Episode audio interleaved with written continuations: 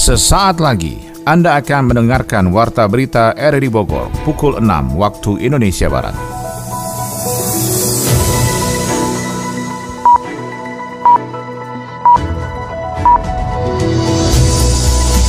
Selamat pagi dan salam jumpa. Kembali kami hadir dalam Warta Berita edisi hari ini, Selasa 15 Agustus 2023. Siaran kami bisa Anda dengarkan lewat audio streaming di RRI Play dan bisa Anda dengarkan juga di audio on demand di Spotify, Anchor, Portal, dan Google Podcast. Berita utama pagi ini adalah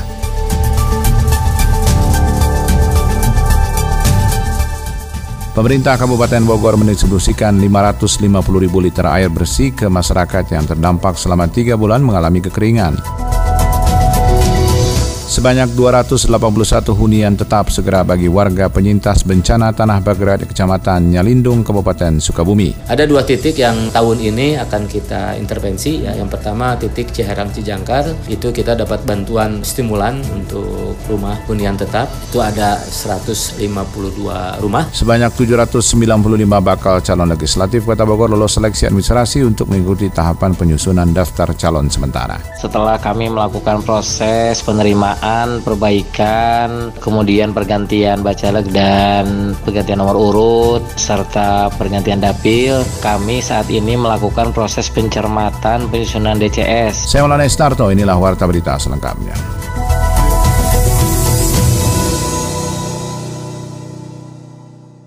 Bangsa Indonesia setiap tanggal 14 Agustus memperingati hari jadi Gerakan Pramuka dan tahun ini Gerakan Pramuka sudah berusia 62 tahun. Ketua Dewan Pembina Kuarca Pramuka Kota Sukabumi Ahmad Fahmi meminta para anggota pramuka di setiap gugus depan atau gudep dan kuaran dapat meningkatkan perannya di tengah masyarakat. Adi Fajar melaporkan. Di hari ulang tahun Pramuka ke-62 tahun, Gerakan Pramuka Kota Sukabumi menggelar upacara dan sejumlah rangkaian agenda lainnya yang telah dimulai sejak awal Agustus 2023. Wali Kota Sukabumi yang sekaligus sebagai Ketua Dewan Pembina Kuarca Pramuka Kota Sukabumi Ahmad Fami meminta para anggota pramuka di setiap gugus depan atau gudep dan kuaran dapat meningkatkan perannya di tengah masyarakat. Hal itu juga menjadi bukti nyata bahwa kehadiran anggota pramuka di Kota Sukabumi harus bermanfaat bagi masyarakat luas dan membantu pemerintah dalam berbagai kegiatan yang bersifat sosial kemasyarakatan. Para kader pramuka lanjut Fahmi juga harus memiliki pola pikir yang kreatif dan inovatif sesuai dengan perkembangan zaman saat ini untuk mengabdi di masyarakat. Semangat, semakin berbahaya bahagia dan semakin termotivasi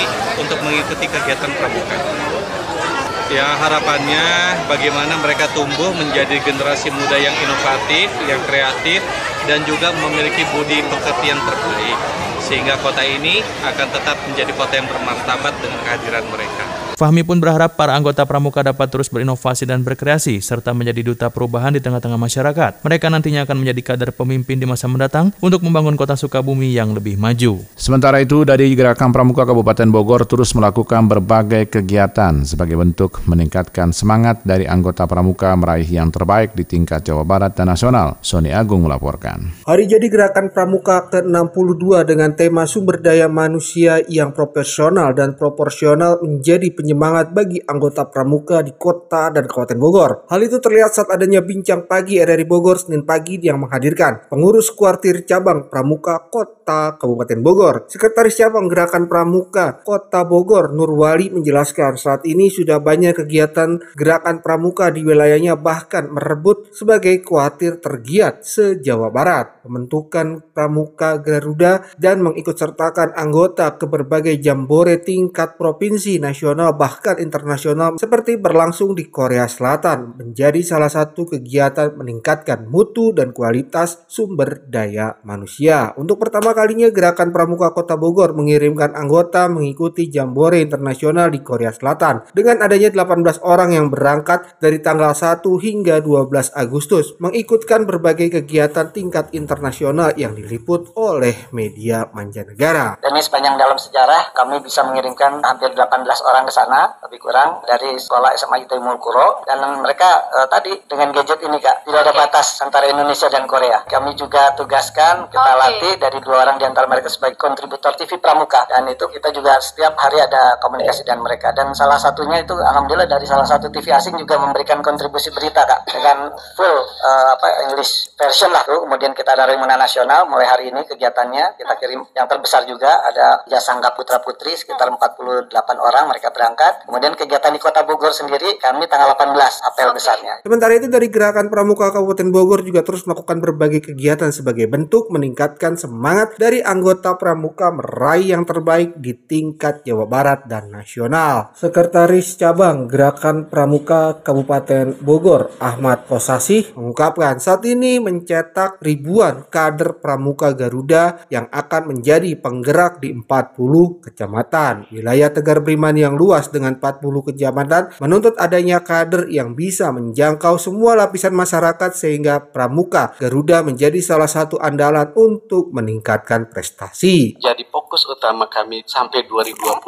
nanti kami mencetak 10.000 Pramuka Garuda punya target dan 15.000 pembina lulusan kursus baik mahir dasar maupun mahir lanjutan. Karena ketika kita berbicara kualitas dan kuantitas peserta didik, maka ini harus dibarengi dengan kualitas dan kuantitas sumber didiknya. Ya memang ada beberapa kuartir ranting yang pramukanya agak kurang, ada yang menonjol. Saya pikir eh, ini bagian dari dinamika dan menjadi tanggung jawab kami untuk bisa membagi rata setiap kegiatan di kuartir ranting. Karena men untuk menjangkau 40 kecamatan ini sangatlah tidak, tidak mudah. mudah. Dari ujung barat, timur, selatan, luar biasa eh, butuh waktu. Pramuka di Kota Bogor dan Kabupaten Bogor juga terus melakukan kegiatan untuk membentuk karakter anggota menjadi disiplin, tanggung jawab, dan kepedulian sehingga bisa menjadi pemimpin Indonesia di saat generasi yang akan datang. Bagaimana harapan dan tanggapan masyarakat mengenai gerakan pramuka yang tahun ini sudah berusia 62 tahun? Berikut rangkuman dalam suara masyarakat. Nasution di Warcap sebagai sekretaris dua protokol Warcap Kota Bogor. Kalau saya sendiri harapannya semoga Pramuka makin besar lagi, makin dikenal orang dan makin baik lagi ke depannya. Untuk anak muda yang lainnya semoga semakin semangat, semakin kenal dengan Pramuka, semakin tertarik dengan Pramuka. Saya uh, Muhammad Sami Syahabudin, saya sebagai sekretaris satu di unit protokol Korcap Kota Bogor. Harapan saya yaitu pramuka ini dapat lebih membantu masyarakat sekitar dan lebih membantu teman-temannya juga yang sebaya untuk dapat mengarah kepada kebaikan. Mungkin untuk anak-anak muda lainnya mereka bisa walaupun tidak mengikuti pramuka tapi bisa merasakan semangat dari pramuka juga. Saya Tikus Neni di Kuarcap Kota Bogor sebagai andalan dari Binawasa khususnya bela negara. Kami menghimbau kepada generasi muda khususnya di Kota Bogor, mari bersama-sama di Hari Pramuka ini kita bangkit, kita bersama-sama menggerakkan kembali lebih banyak pemuda ikut pramuka.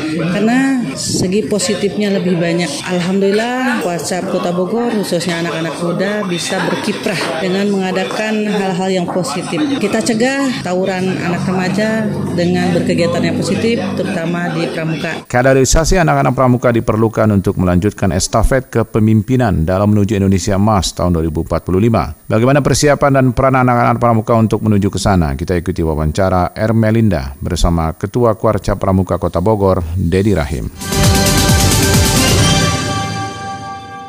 Dedi, ini ya. bicara sekarang era digital sepertinya hmm. sudah memang hmm. paling banyak digemari ya. begitu. Tapi kalau boleh saya minta informasinya seberapa eksis pramuka saat ini di tengah era digital yang ada? Uh, terutama di pasca pandemi ya, kita memang sedang berusaha untuk meneguhkan kembali ya komitmen kepramukaan untuk membangun karakter, terutama karakter generasi muda. Hmm. Nah, pembangunan karakter ini juga membutuhkan semacam background keilmuan ya, termasuk juga uh, bagaimana kita merespon perkembangan zaman. Jadi kalau kita bicara terkait dengan teknologi informasi, terkait dengan perkembangan uh, media dan sebagainya, tentu kepramukaan juga harus bisa me, apa namanya merespon semua perkembangan yang ada. Mm-hmm. Nah, oleh karena itu sekarang ini banyak sekali di kepramukaan tentu ada kekhususan ya tentang berbagai keahlian, uh, baik di bidang IT, baik di bidang mm-hmm. aeromodeling, broadcasting juga, broadcasting juga, penyiaran ya, kemudian juga di berbagai hal. Memang ke permukaan harus mengikuti perkembangan zaman. Buktinya oh. tema yang diusung untuk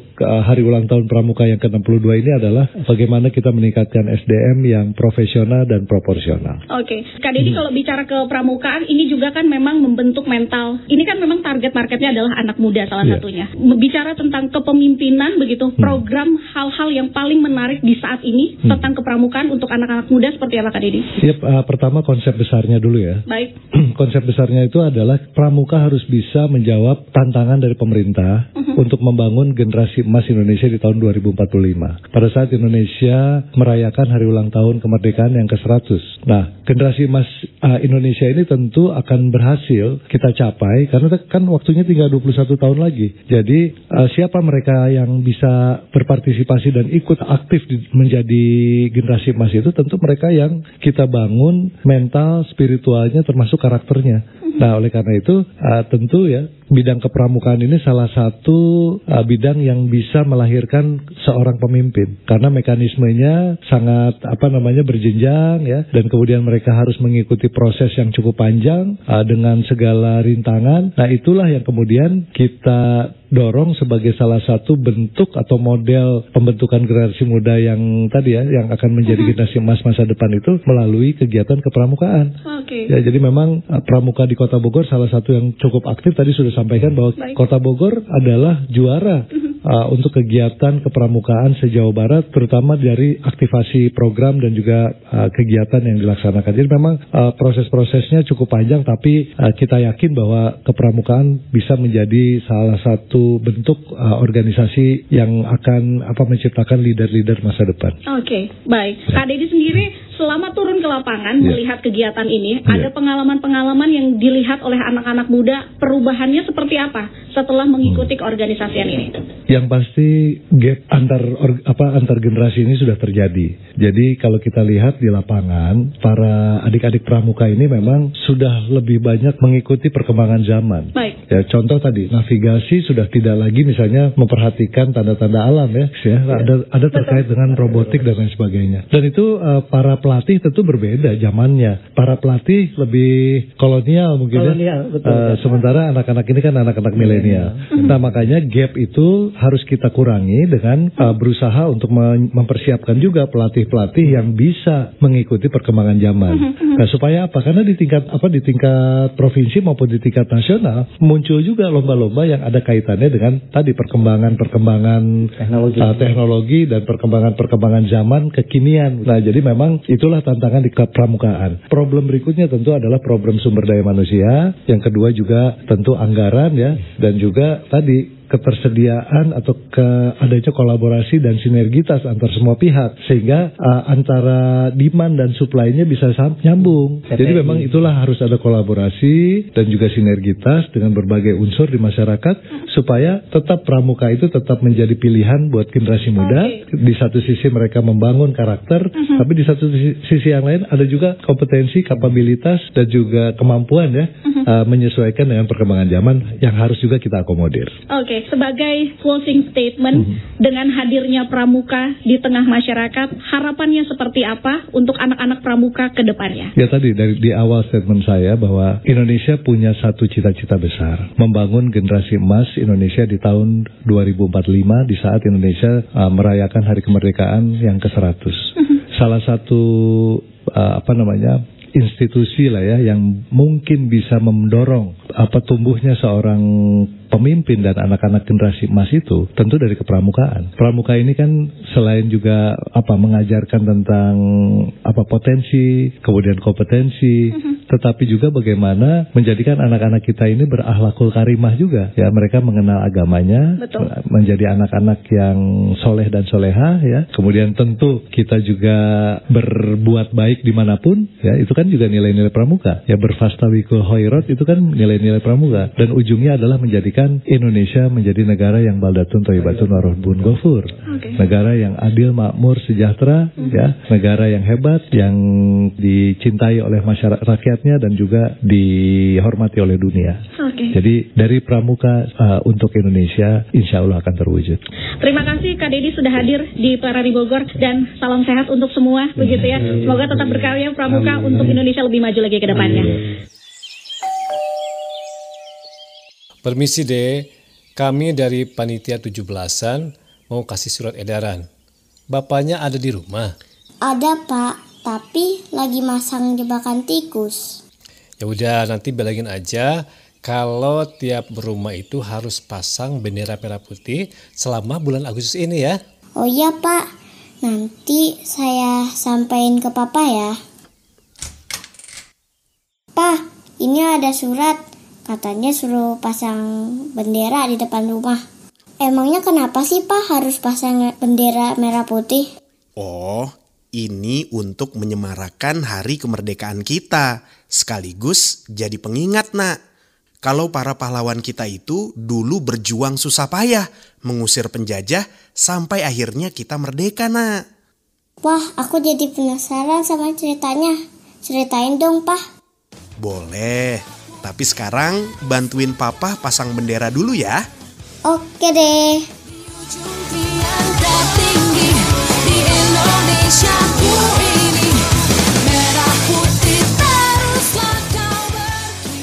Pemerintah Kabupaten Bogor, Jawa Barat melalui Badan Penanggulangan Bencana Daerah mendistribusikan 550 ribu liter air bersih ke masyarakat yang terdampak selama tiga bulan mengalami kekeringan. PLT Kalak BPBD Kabupaten Bogor Asep Sulaiman di Cibinong menjelaskan 550 ribu liter air bersih itu didistribusikan ke 33 desa di 13 kecamatan sejak 2 Mei hingga 14 Agustus 2023. Bantuan ini dikirim oleh petugas menggunakan mobil-mobil tangki milik BPBD Kabupaten Bogor dan Perusahaan Umum Daerah Air Minum Tirta Kahuripan. Bantuan air bersih ini untuk masyarakat yang kesulitan memenuhi kebutuhan air bersih akibat kekeringan. BPBD Kabupaten Bogor juga mencatat sekitar 50 23.105 jiwa dari 16.526 kakak terdampak krisis air bersih akibat bencana kekeringan di 33 desa.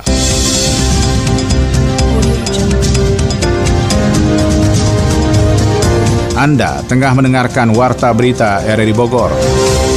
Sebanyak 280 hunian tetap atau huntap segera dibangun Pemkap Sukabumi yang diperuntukkan bagi warga penyintas bencana tanah bergerak di Kecamatan Nyalindung. Adi Fajar melaporkan. Badan Penanggulangan Bencana Daerah BPBD Kabupaten Sukabumi tengah melakukan persiapan untuk membangun hunian tetap atau huntap bagi warga terdampak bencana pergeseran tanah di wilayah Kecamatan Nyalindung. Kepala Pelaksana BPBD Kabupaten Sukabumi Wawan Godawan mengungkapkan di tahun ini ada dua titik lokasi pembangunan huntap Huntap yakni 152 unit di Desa Ciherang Cijangkar dan 129 unit di Desa Kertang sana. Urgensi pembangunan Huntap bagi warga terdampak dikarenakan lokasi tempat tinggal warga sebelumnya sudah tidak relevan untuk dihuni sebab berdasarkan kajian dan rekomendasi dari ahli geologi bahwa wilayah Dusun Ciherang, Desa Cijangkar, dan Desa Mekarsari zona merah pergerakan tanah. Wawan menyebut program pembangunan Huntap merupakan kolaborasi antara BNPB, pemerintah daerah bersama Yayasan Daurut Tauhid. Hasil kajian geologinya tidak memungkinkan lahan asal mereka dibangun lagi rumah ah, baik oleh mandiri maupun itu. Itulah pentingnya kita melakukan uh, kolaborasi ya. Ada dua titik yang tahun ini akan kita intervensi ya. Yang pertama titik Ciherang Cijangkar itu kita dapat bantuan stimulan untuk rumah hunian tetap. Itu ada 152 rumah ya di Ciherang Cijangkar. Kemudian juga ada satu titik lagi di Kerta Angsana, Desa Kerta Angsana, Gunung Batu, Desa Kerta Angsana. Itu ada 129 rumah. Itu melalui dana kolaborasi ya dengan DT Peduli. DT Peduli bekerja sama dengan BPKH. Darut Tauhid bekerja sama dengan BPKH Badan eh, Pengelola Keuangan Haji ya. Nantinya Huntap itu akan dibangun di lahan seluas 4,8 hektar yang berlokasi di Kampung Baru Cibulu, Desa Cijangkar, Kecamatan Nyalindung. Sementara itu Wawan menambahkan terdapat wilayah lain yang rencananya akan dilakukan pembangunan Huntap, yakni di Desa Pasir Suran, Kecamatan Pelabuhan Ratu. Direncanakan Pemkap Sukabumi akan membangun sedikitnya 200 rumah pada tahun 2024 mendatang. Ada yang kita coba akan lakukan relokasi itu Pasir Suren, Nyalindung, Desa Pasir Suren, Pelabuhan. Ratu. Itu catatan kita lebih dari 200 rumah. 200 rumah karena memang lokasi itu yang terdampaknya memang belum sampai itu. Tetapi di wilayah itu adalah zona merah yang mungkin karena ini sifat pergerakan lambat ya itu pasti kalau di ini dengan curah hujan tinggi pasti ada pergerakan-pergerakan. Badan Nasional Penanggulangan Bencana BNPB pun telah menyiapkan bantuan sebesar 7,6 miliar rupiah untuk pembangunan huntap tersebut. Nantinya ada beberapa jenis bentuk rumah untuk pembangunan huntap yang sudah direkomendasikan Kementerian PUPR. Di antaranya jenis rumah instan sederhana sehat atau RISHA, rumah kayu instan atau RIKA, rumah tahan gempa atau RTG, dan rumah Banua Tadulako.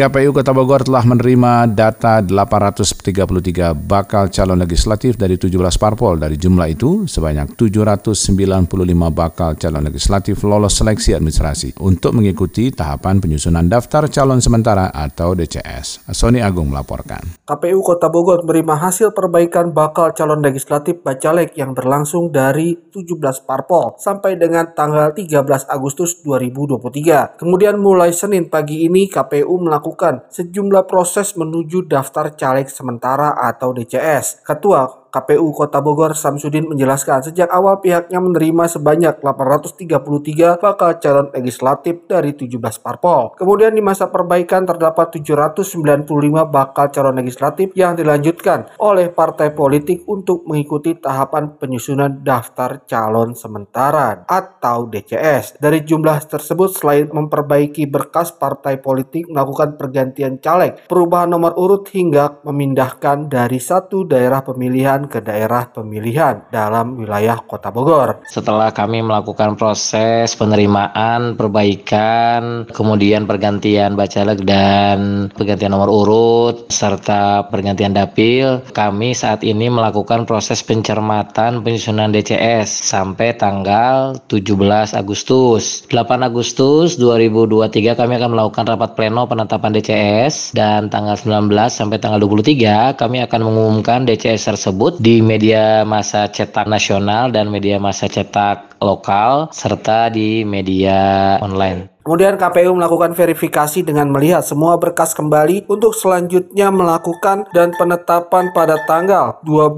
sampai 18 Agustus 2023. Dalam proses menuju DPS tersebut, masukan dan tanggapan masyarakat terhadap calon legislatif juga sangat penting dan strategis sehingga terdapat kontrol dan pengawasan masyarakat untuk melihat track record caleg berdasarkan semua aspek yang menjadi persyaratan calon anggota DPRD yang akan duduk sebagai wakil rakyat.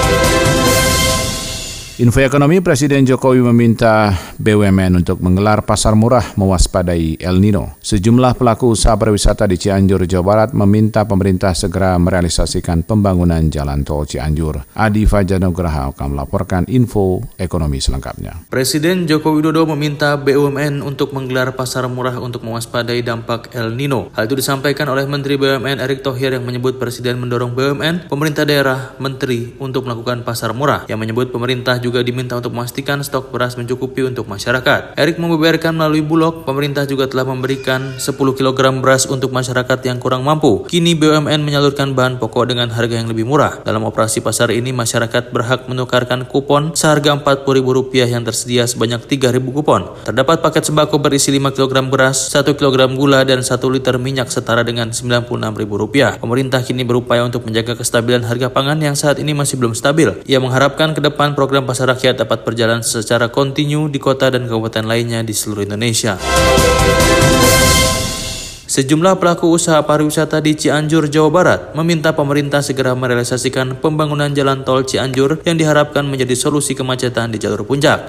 Kemacetan di jalur puncak yang bisa menghabiskan waktu sampai belasan jam itu dikatakan berkaitan dengan menurunnya angka kunjungan ke kawasan Cipanas yang menjadi ikon wisata Cianjur selama belasan tahun terakhir. Tol Cianjur diharapkan bisa membantu pemulihan perekonomian karena diperkirakan kunjungan wisatawan berpotensi meningkat. Salah seorang tokoh pengusaha di Cianjur, Zulfar Zen, mengatakan harapannya hanya ada solusi macet di jalur puncak. Ia menjelaskan sudah ada berbagai rencana dari pemerintah tetapi belum terrealisasi. Menurutnya rencana pembangunan tol Cianjur dari wilayah Bogor menjadi angin segar bagi pelaku usaha di Cianjur yang berharap kunjungan wisatawan kembali meningkat dan perekonomian bisa pulih kembali. Pelaku usaha di wilayah utara Cianjur yang dikenal sebagai penyuplai hasil pertanian ke Jakarta dan sekitarnya itu juga berharap pembangunan tol Cianjur dapat memangkas waktu distribusi yang sensitif pada kesegaran produk sayur mayur. Sementara itu Bupati Cianjur Herman Suherman juga mendorong pemerintah pusat untuk segera membangun tol Cianjur. Kemacetan jalur puncak disebutnya sebagai salah satu alasan wisatawan mengurungkan niat untuk berlibur ke Cianjur. Ia berharap dengan dibangunnya tol tersebut selain mempermudah akses masyarakat serta dapat mendorong peningkatan ekonomi masyarakat sekitar.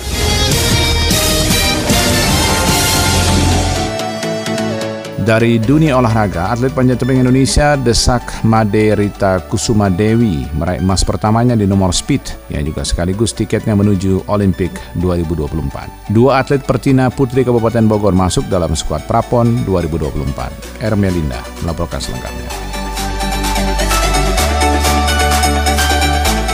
Dua atlet Pertina Putri Kabupaten Bogor masuk dalam skuad Prapon 2024 yang pertama yaitu Irin Sahara. Irin mengatakan jelang Prapon nanti yang akan berlangsung di Kupang, Nusa Tenggara Timur, ia terus memaksimalkan sejumlah latihan demi meningkatkan teknik bermainnya. Pengurus Persatuan Tinju Amatir Indonesia Pertina Provinsi Jawa Barat sudah mulai mematangkan sejumlah persiapan menuju Pekan Olahraga Nasional Sumatera Utara Aceh 2024 guna meraih hasil optimal. Ada 39 atlet yang dipanggil dengan rincian 23 petinju petinju putra serta 16 petinju putri berasal dari sejumlah kabupaten dan kota di Jawa Barat. Yang berlangsung ya kita latihan seperti biasa.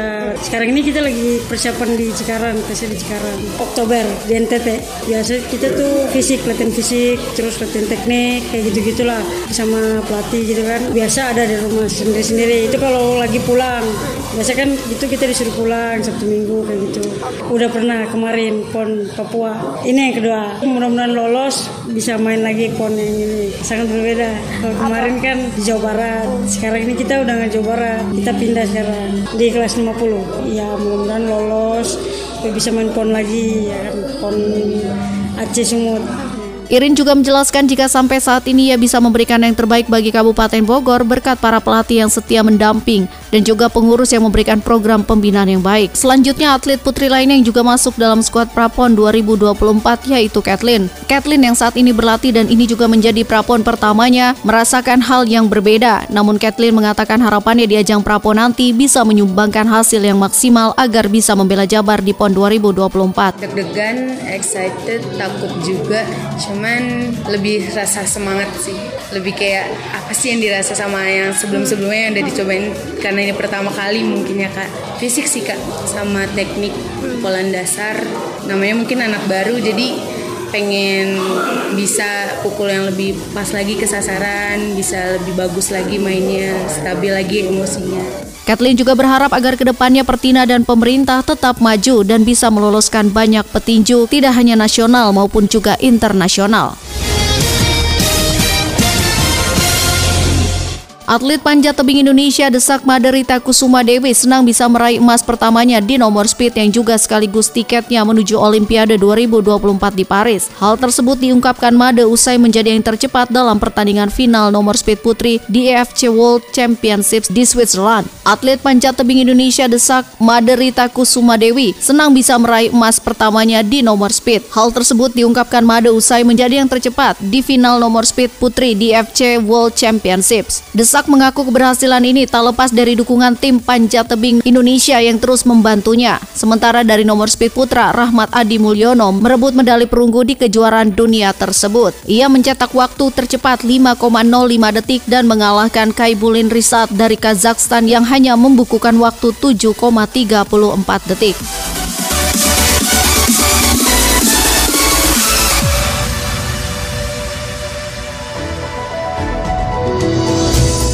Demikian rangkaian informasi yang kami hadirkan dalam Warta Berita di edisi hari ini. Sebelum berpisah, kami kembali sampaikan berita utama.